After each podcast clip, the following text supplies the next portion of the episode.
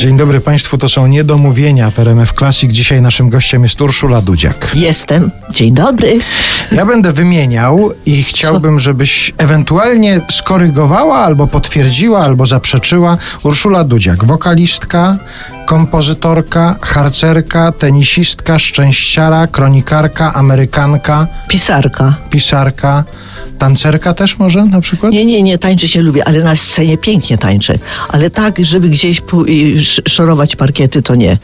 To jakoś, jakoś nie lubię. Lubię obserwować, A tańczą. wszystkie pozostałe. Wszystko się zgadza. Mhm, Wszystko się zgadza. No to do niektórych się będziemy w czasie tej naszej rozmowy odnosić, ale zaczniemy od rozmowy o Twoim wieku, bo Ty chętnie mówisz o swoim wieku. Wiesz co, tak się ostatnio zastanawiam, bo tak sobie tak, y, myślałam też przez pewien czas, że może sobie wmówię, że mam 48 lat. Ale to też, jak sobie wmówię, że mam 48 lat, to w dalszym ciągu ten wiek odgrywa jakąś rolę.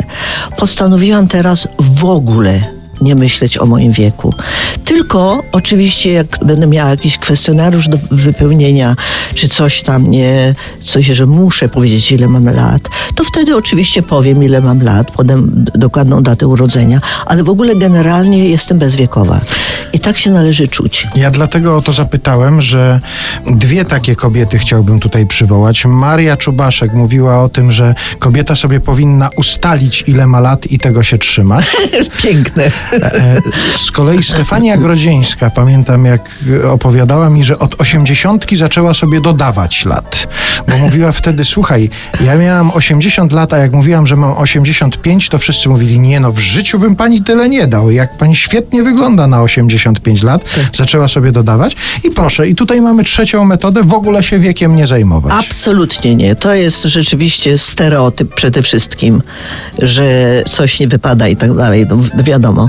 Ja myślę, że to jest najlepsza metoda. W ogóle nie myśleć o wieku. Należy przede wszystkim no, skupić się na, na tym, co się robi, jak się robi, co się je, jak się żyje, czym się oddycha, z kim się jest i, i czy się spełnia. Bo ja myślę, wiesz co, Arturku, że na, jedną z najważniejszych rzeczy w życiu jest wykorzystanie swojego potencjału. Ja sobie tak wymyśliłam, że jeżeli nie wykorzystujemy swojego potencjału, to talent i energia jest skupiona w, w nas i nie ma ujścia. I wtedy wariuje. W momencie, kiedy ma ujście, to my jesteśmy tym drogowskazem i wtedy wszystko się pięknie składa.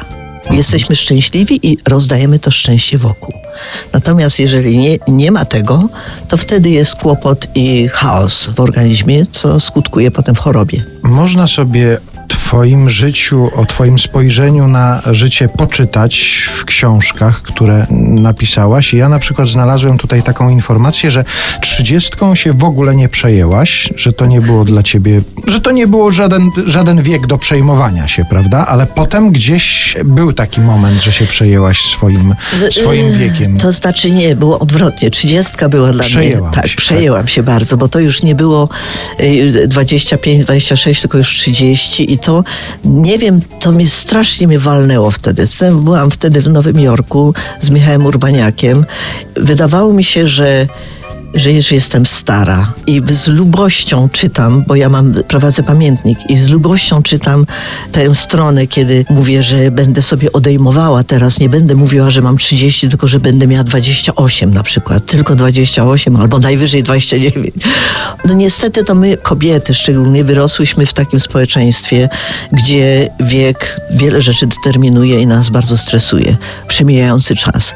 A ja właśnie poczułam wolność, niesamowitą wolność. Pół roku temu skończyłam 75 lat i czuję, że, że bardzo mogę innym pomóc swoim spojrzeniem właśnie na te stereotypy, które nas ograniczają, które nas unieszczęśliwiają.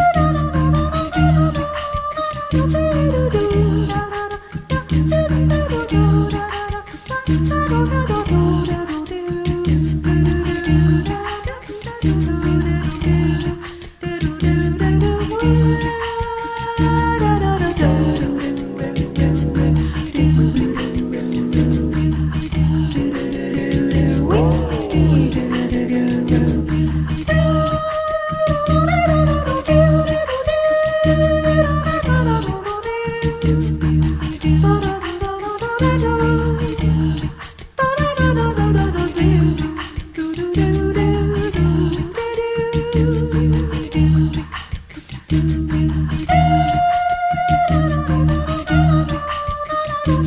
do